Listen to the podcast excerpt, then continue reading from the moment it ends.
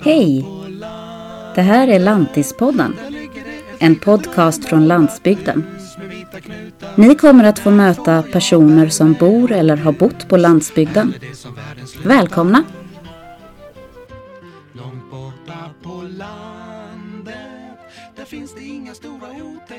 Jag träffade Marit Kapla, författare till boken Åsebol. Hon skriver om sin hembygd, om den lilla byn Åsebol i norra Värmland.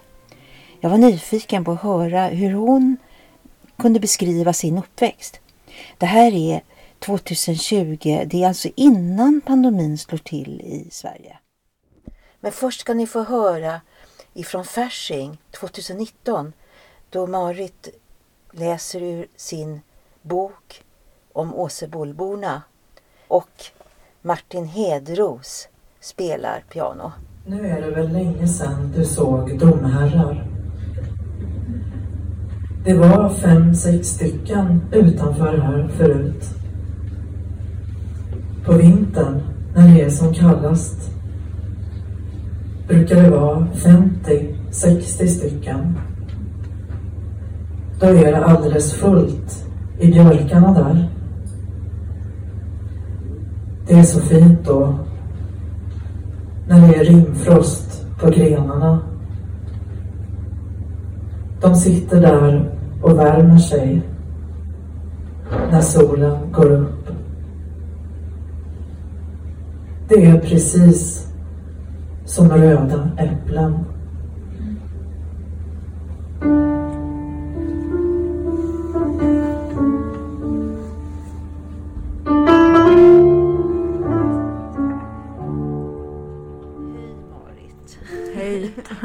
Helena.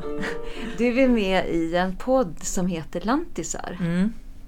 Och jag undrar, vad tänker du om ordet lantis? Är du en lantis? Eh, Eller jag, varit? jag använder inte begreppet lantis alls. Mm. Ehm, helt enkelt. Eh, jag har aldrig använt det. Eh, eh, någonsin. Jag har, jag har ingen relation liksom, Mm. till det begreppet. Vad, Eh. vad tänker du om ordet? Ja, så som vad, det väcker det för används. känslor? Nej, men så som det används är ofta eh, några som inte är lantisar som pratar om lantisar. Mm. Och sen kan man ju, kan jag ju för- föreställa mig att de som definieras som lantisar av andra vill återövra ordet och sådär men liksom jag jag ser inte på mig själv på, på, på det sättet. Liksom. Mm. Som, eller jag är, jag är emot att kategorisera folk Mm. eh, överhuvudtaget. Mm. Och jag, jag vet att det är svårt att låta bli. Människor fungerar liksom så automatiskt att man kategoriserar i någon slags försök att, att förstå och beskriva världen omkring sig. Men jag, jag är emot det egentligen. Eller jag försöker att inte göra det själv så mycket. Eller försöker tänka på hur i så fall jag kategoriserar mig och andra. Och, ja, och försöka nyansera kategorierna.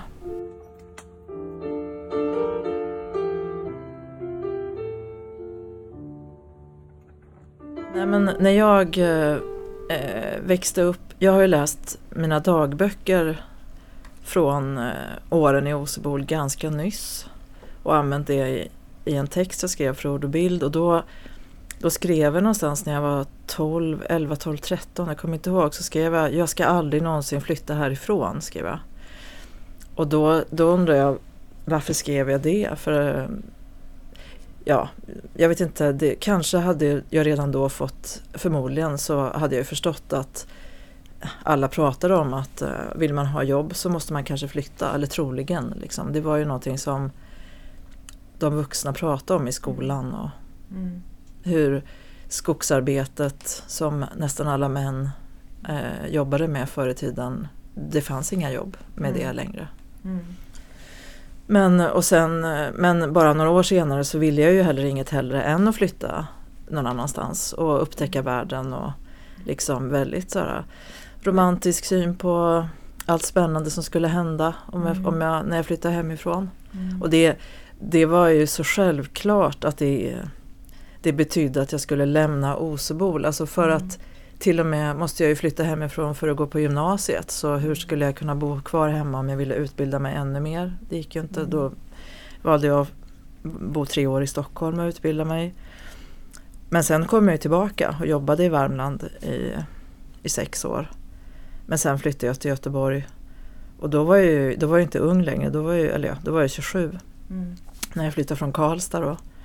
Eh, men då var tyckte jag väl också att jag ville liksom ha lite mer eller, och det är, det är därför jag trivs så bra i Göteborg. Jag tycker det är roligt med ett, eh, ett brett och varierat kulturliv. Jag är ju jätteintresserad av kultur och jag älskar att bara kunna eh, faktiskt gå till operan och titta på Wagner, en Wagneropera. Liksom. Mm. Nu, jag, jag måste säga, jag går inte på operan jätteofta men, men just det här gjorde jag i julas. Mm. Det var fantastiskt. Jag tycker det är och, och all, allting som händer bara inom i litteraturvärlden och filo, föredrag om filosofi och det är väldigt stimulerande och utvecklande att bo i en stad. Och på, en, på, på landsbygden så är det ju ofta så att om man vill att det ska hända någonting så måste man eh, ta tag i det själv. Mm. En del tycker ju att det är skönt att man, att man blir mer aktiv för just att man måste ta tag i det själv. Att det är en poäng i det. Att inte få det serverat utan man måste skapa det själv. Mm. Eh, var det så när du var barn också? Att det var en, aktiva personer omkring dig? Eller var det Ja, att man var tvungen att ta sig till danslektionerna? I, Ja, det var, det var båda de sakerna. Ja. Eh, alltså dels var det ju långa, alltså det, det finns ju ingen kollektivtrafik som fungerar sådär eh, på kapillärnivå liksom utan det fanns det inte då heller. Nu finns det ännu mindre men om jag ville åka på och titta på en fotbollsmatch eh, med min bästa kompis eh, en mil norrut, då fick jag cykla dit. Liksom. För vi var ju tre syskon och mamma och pappa hade ju jobb och de hade inte tid att hålla på och skjutsa oss hela tiden. Mm. Så dels eh, så förstår man ju att man måste själv, om det ska hända någonting så är det på ens eget ansvar. Men eh, sen var det jättemånga aktiva vuxna. I Osebol eh, gick ju de vuxna ihop och skapade en slalombacke. De såg till så att en, en sluttning strax söder om Osebol blev hugg, uthuggen och markberedd och blev en slalombacke med lift och allting liksom, som r- rullade i jättemånga år. Mm. Så där lärde jag mig åka slalom. Och mina föräldrar var ju aktiva. Mamma var jätteaktiv i hembygdsföreningen och det blev en marknad i Osebol. Och,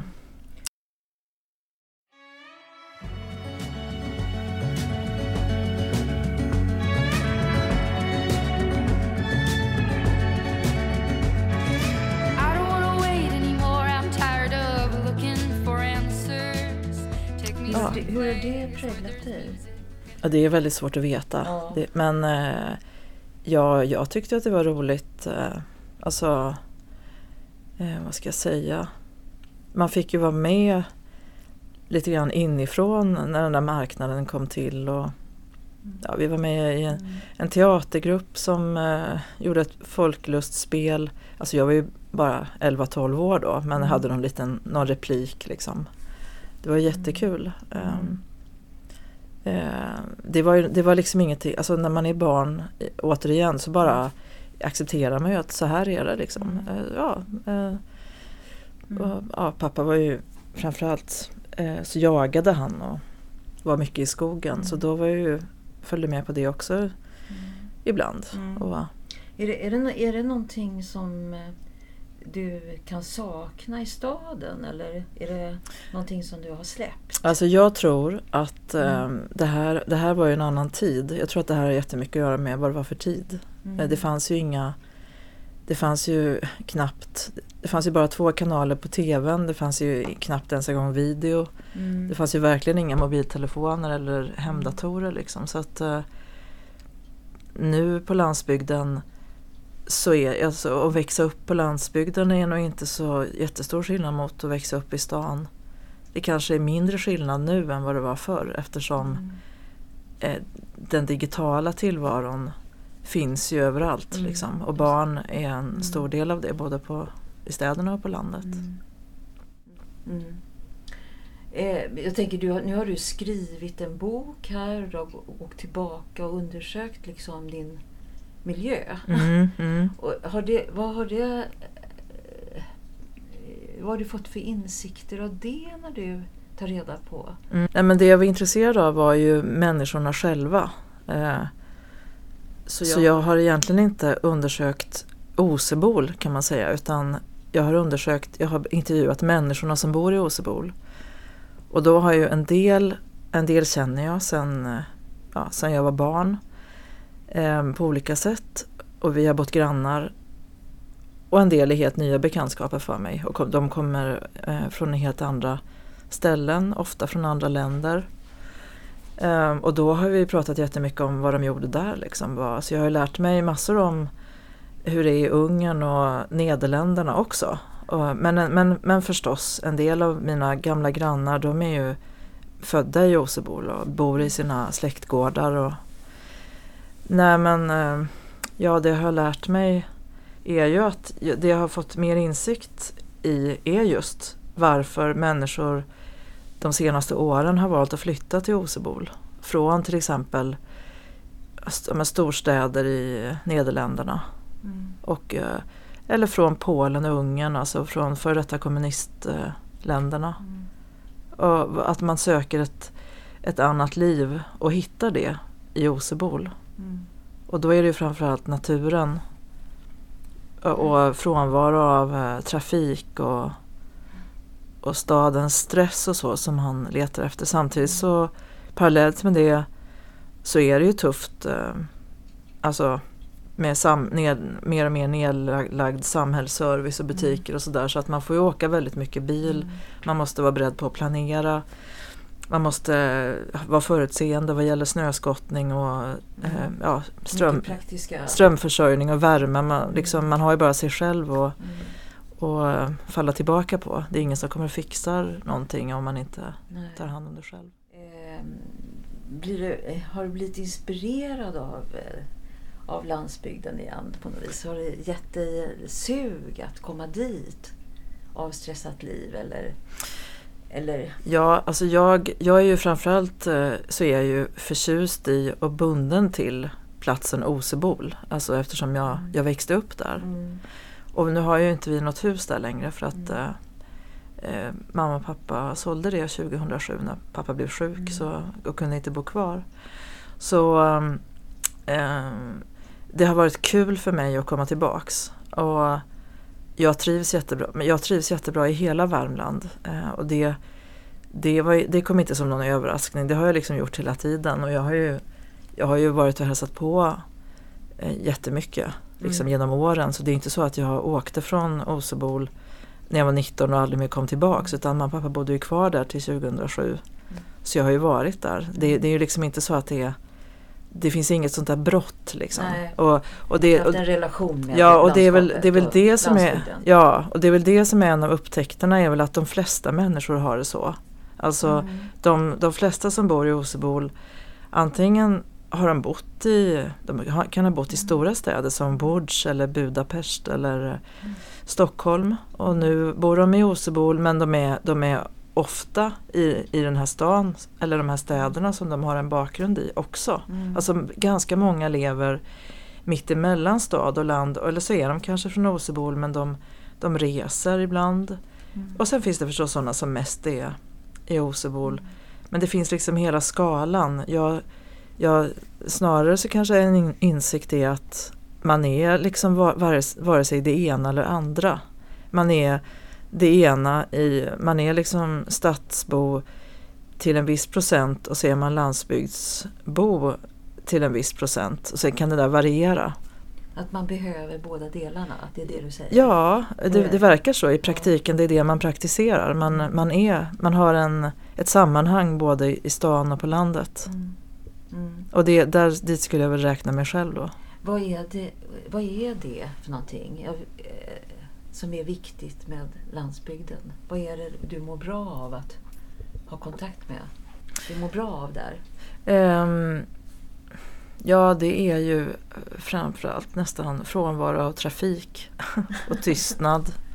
Och eh, att vara i naturen, närheten till djuren som bor i naturen. Eh, och ehm, ja, det är ju vackrare omgivningar liksom. Um, ja, det är, väl, det är väl det.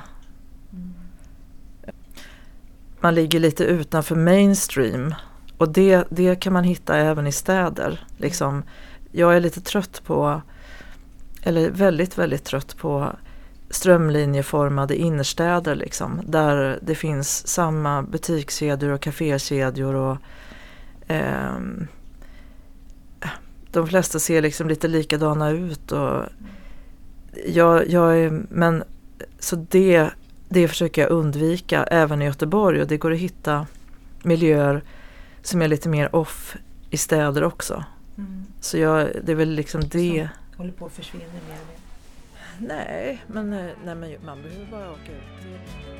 Something good comes with the bad. A song's never just sad. There's hope. There's a silver lining. Show me my silver lining. Show me my silver lining. I hear a voice call, calling out for me. Vi sitter här och pratar med Anna-Lena och vi lyssnar på Marit Kapla. Ja. Och vi får lite tankar och börjar fundera lite grann på, kring det hon säger om det här med stan och landet och att vi behöver varandra. Det är ju det utbudet som inte finns här då. Eh, Det finns ju inget, ja, som vi har pratat på innan, att hon, ja, det finns ju inte några musikaler, det finns inga operor, det finns ju inga eh, större konserthallar eller sånt där. Utan då, vi fick ju alltid åka när vi var små, fick vi ju alltid ta oss till Göteborg. Till exempel om vi skulle gå på konsert och, och lyssna på Pink Floyd eller om vi åkte till Ullevi. Så har ju, fått- de, de, det får man ju fortfarande göra i, i dagens läge också. Fast vi är ju vana att kunna åka ifrån landet till stan för att få ett utbud som inte finns här. Och, Och, s- och det, det behovet är ju ganska stort. ja, Ja. Det är bara Vi blir ju, vi blir ju mobila på det sättet så Ja. att vi, måste, vi tar oss till ställen för att hitta de där godsakerna som finns i staden. Vi plockar ut dem där och åker vi, åker vi dit och, och sen går vi på det. Men just nu, sen ett, nästan ett år tillbaka, Ja. är det va? så är det corona och då, Ja. kan vi, då åker vi inte längre till stan. Men nu gör vi tvärtom. Ja. det är stan som kommer till oss. Ja. Ja, för vi pratade ju om det Ja. lite grann innan. Att, eh, jag läste i Dalslänningen om att eh, Dalsland har också i turistnäringen har ungefär behållit sin, eh, sitt besöksantal Mm, under som- sommaren. under sommaren. De hade tappat lika mycket på som andra ställen, ställen runt omkring. Läste, Ja. läste jag då. Mm. Och det är ju bra att vi, turistnäringen eh, Mm. fortfarande. För det är jättemånga som lever på det här. Jo, den är viktig. Den är jätteviktig. Det finns en fara med det här också, Mm. att leva bara på turism. Jo, jo, men vi pratar också på det. Att just Ja. det med att, eh, eh, att det, faran är att det kanske blir som, eh, som 45an är på under sportlovstider. Att det kommer liksom en tre veckors period som alla drar till Sälen. Ja. Så att det inte blir en sån autostrada ifrån storstäderna hit i några veckor. Då, Ja. liksom, att kommer hit så är det som Mm. Fullspäckade bilar och det vi söker är de som kommer hit och söker Ja. tystnaden och naturen. eh, Att, eh, Mm. det är klart, flyttar man hit eh, 500 000 människor från, eh, från storstaden till landet på en viss, en Mm. viss veck, vecka eller Mm. veckor eller Mm. månader på sommaren så blir det västkustträngsel Mm. även här. Mm. Men vi behöver ju människor. Jo, men jag, jag, nej, men jag, är, jag är helt övertygad om att eh, min uppväxt i Osebol som ligger i, i norra Klarälvdalen i Värmland eh, har påverkat mig. Så som, så som alla uppväxter påverkar eh, människor var man än växer upp.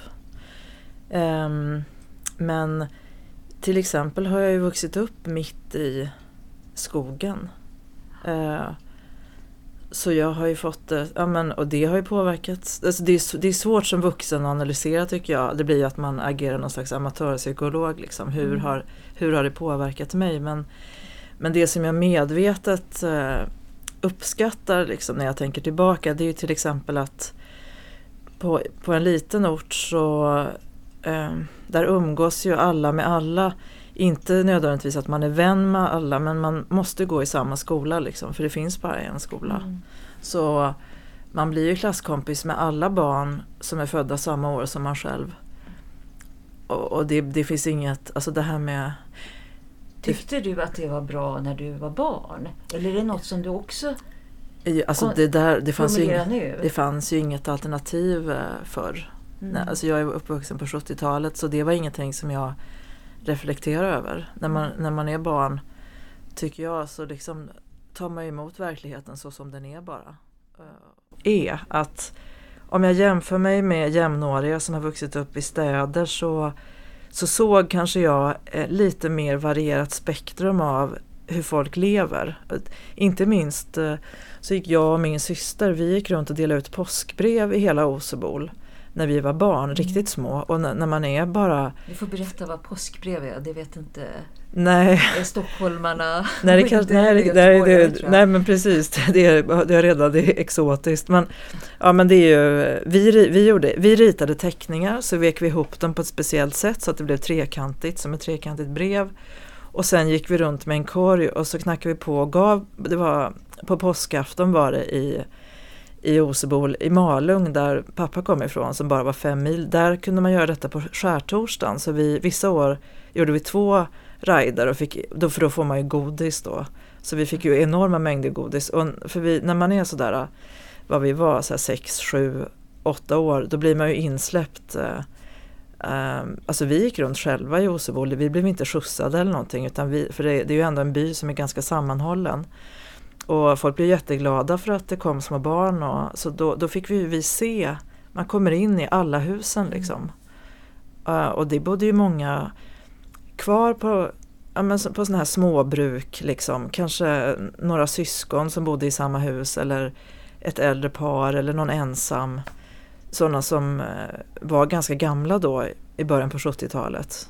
Och de var ju på något sätt fortfarande kvar i, i det gamla bondesamhället på något sätt. Och en del, jag minns att en del hade också häst och vagn som de faktiskt, när jag var riktigt liten, eh, åkte till affären med. Oj, Nu var ja. inte det jättevanligt men eh, det, allt, det fanns ju förstås folk som hade jättesplitter nya Volvos samtidigt. Men, Mm. men det var ändå som att det var en övergång så det känns som att jag fick se mer av det än, än andra. Och vi var med och tog upp potatis till exempel. Och då fick man ju potatis även om vi inte hade varit med och satt potatisen. Men för att vi hade varit med och hjälpt till och ta, tagit upp så fick vi ju ta med oss.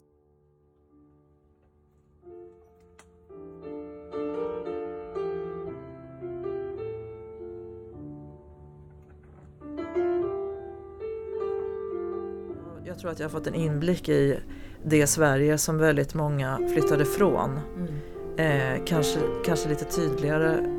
Och så har jag väldigt bra minne av någon anledning. Så jag minns, jag minns verkligen hur det var i början på 70-talet fast jag inte var så himla gammal. Så kommer jag ihåg hur det var. Du får säga hur gammal är du? Jag är 49, så, så jag är född 1970. Så att jag, min, jag har tydliga minnen från ungefär runt 1975 och sådär. Mm. Och då var det ju, det känns som att eh, det, det Osebol som var då var fortfarande kvar med en fot i jord och skogsbruk liksom. Fast på väg därifrån. För nedgången i skogsbruket kom på 60-talet tror jag, eller i början på 70-talet. När det blev så här, när det verkligen blev stor arbetslöshet och folk eh, förlorade sina jobb i skogsindustrin. Men, det, det, men för att återkomma till, alltså det jag har sett är lite mer, jag har fått en känsla för det kanske mer. Eh, helt enkelt för att jag var där Mm. och för att jag har minnen därifrån. Mm. Och om man har vuxit upp i ett villaområde utanför, ja, men i eh, liksom förortsområdet till en storstad, då, då såg man inte det där. Och det har bara att göra med var man råkar befinna sig. Mm. Jag tycker det är viktigt är just det där att vi måste veta mer om varandras liv. Eh, det är viktigt var man än bor. Det behövs, bara i Göteborg måste vi veta mer om varandras liv mellan stadsdelarna. Liksom. Vi måste veta mer om varandras liv mellan, mellan eh, landsbygden och olika delar av städerna. Och eh, om, det, om, om, om min bok medverkar till det på något sätt så är jag jätteglad. det var förstås inte bara därför jag skrev. Att det blir så här som när du beskriver när du gick och delade ut påskbrev. Mm.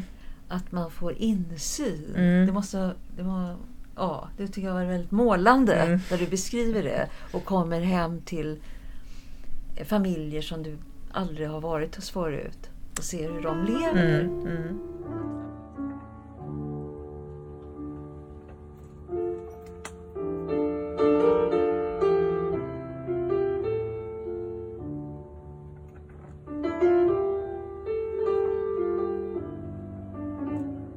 Du tycker det här är bra som Marit säger att, eh, att man suddar ut gränserna Ja, absolut. mellan landet Ja, och staden. ja, hon är ju jättebra på det. Hon är ju, hon är vår eh, Ambassadör. ambassadör för att sudda ut de här eh, gränserna.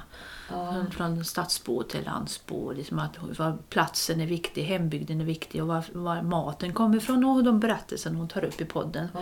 Hur viktigt det är liksom att ha med sig det barn från barndomen och, Mm. och in där hon bor nu. Hon säger ju inte bu till staden, hon säger inte bu till landet utan hon tycker att den gränsen ska suddas ut. Mm, man behöver varandra.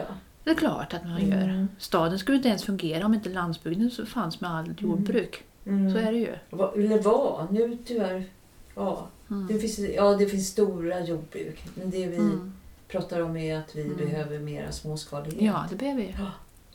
Men eh, hon, hon eh, Mm. eh, är viktig. Och det är viktigt att det här blir att man pratar mer och mer om Ja, och där, där har hon sin roll eftersom hon har skrivit då liksom, eh, Boken om Osebo. Ja, och sen artiklar i större tidningar och sådär. Och Expressen. Expressen och så. Ja. Och det... Alltså du vet, det är vi och dem lite Mm. grann. Mm. Ja. Jag tror inte det behövs riktigt ibland. Nej. Vi har ju så lätt för att kategorisera Ja. ändå. ja. Ja, Jo, så det, vi, vi tycker att det är jättebra att Marit har skrivit Ja, en ja. bok om Osebol och Ja. att eh, det blir en debatt. och sen Och hon, har intervjuat 50 personer som bor där va? Ja, nästan. Nästan Jag tror 50, Jag, ja. jag ska, måste ta reda på det. Jag tänker så här Marit, att när du eh, samtalar med Åsebolborna så är det en väldigt dyster bild som kommer fram. Man blir väldigt ledsen. Jag blev det. Jag bor ju själv i Dalsland. Det går inte att försörja sig och man åker till Örebro och man moduler ifrån Estland. Eh, vill höra lite grann vad du tänker kring eh, den här utvecklingen. Ska storstäderna bara växa och det blir färre folk? Ja, nej men jag, ty- jag tycker det är jättesvårt att förutspå framtiden, eller som alla andra. Men, eh, men ja, det, det är ju så att, eh, eller jag tycker i och för sig att det finns en både positiv och bild av framtiden just eftersom många väljer att flytta dit eh, och har gjort det de senaste åren till Osebol. Men, men visst, frågan som ställs flera gånger är ju vad, vad ska man för, hur ska man försörja sig, vad ska det finnas för jobb där liksom. Ehm, eh, men det, det som jag tänker är att det jag tror jag är Urban Nilsson i boken som säger att han är övertygad om att folk kommer att komma tillbaka till landsbygden. Men han, vet, han är osäker på om det kommer ske i hans livstid. Och han är född 1976. Och jag känner väl likadant att eh, med tanke på menar, vad ska man säga, eskaleringen av utnyttjandet av jordens res- resurser på ett ganska destruktivt sätt så känns det ju som en tidsfråga bara innan det blir någon form av energikris och vi måste sluta frakta mat över hela jorden och, och kanske måste gå tillbaka till lite mer basic eh, hushållning och uppvärmning. Och då är det ju jättesmart att bo på landsbygden. Då är det ju den bästa Bästa scenariot då är att bo i Osebol för där ligger åkrarna precis intill, det är bara att odla dem. De är fortfarande öppna tack vare EU-bidrag ska man ju säga. För, och det odlas ensilage på dem nu och ingen, ingenting som människor äter. Precis. Men, men det, går ju, det har ju odlats potatis där i hur många år som helst Mm. och innan dess eh, eh, andra saker. Och det finns ju skogar med vilda djur och Mm. Eh, Så att eh, jag, jag, ja, min, min gissning, om jag ska liksom sätta pengar på något så är det att en, en global energikris kommer få folk att vända tillbaka till landsbygden. Mm.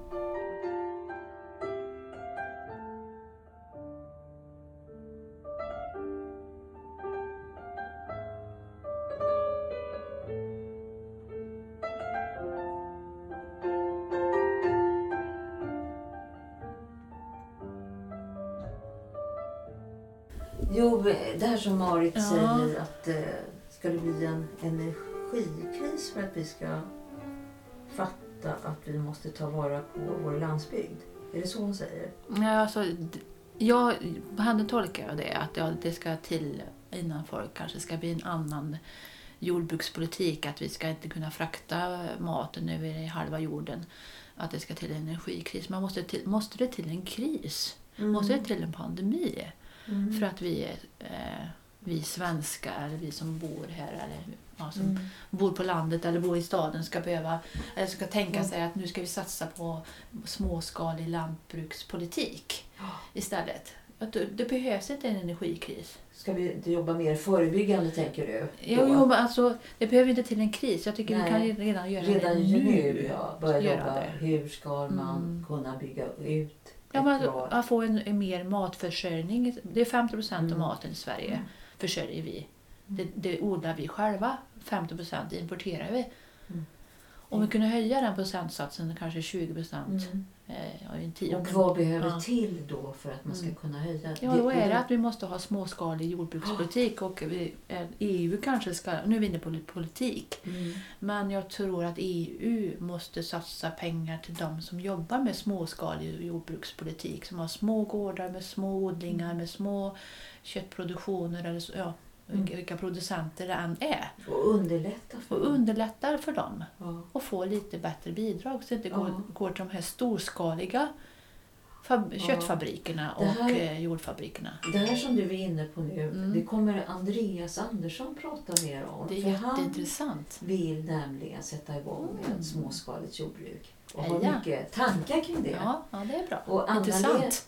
Ja, det blir det. Ja. Det kan bli, är man nyfiken på. Och det kommer... Nu gjorde du en liten cliffhanger här. Ja. Till nästa podd kanske? Yes. Ja. Och Anna-Lena som pratar så engagerat är, är politiker. Det måste man ja, jag har varit politiker. Nu har Ja. jag pausat några år på Ja, grund av eh, privata Ja. saker. Och det här är frågor som du brinner av. Alltid. Ja, landsbygden. Landsbygden. Ja, Ja. och en bättre värld. Ja. Okej. Tack för det.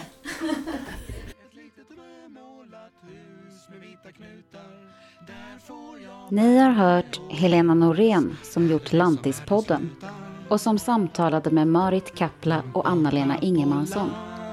Musiken som spelades var Upp på landet av Gunder Hägg, Glassfabriken, Martin Hedros från en konsert på Fasching i Stockholm 2019 och sist First Aid Kit, My Silver Lining. Komma med och se hur verkligt fint det är. Här kan ju människor blandas Både direktör och smed, arbetsgivare och tagare.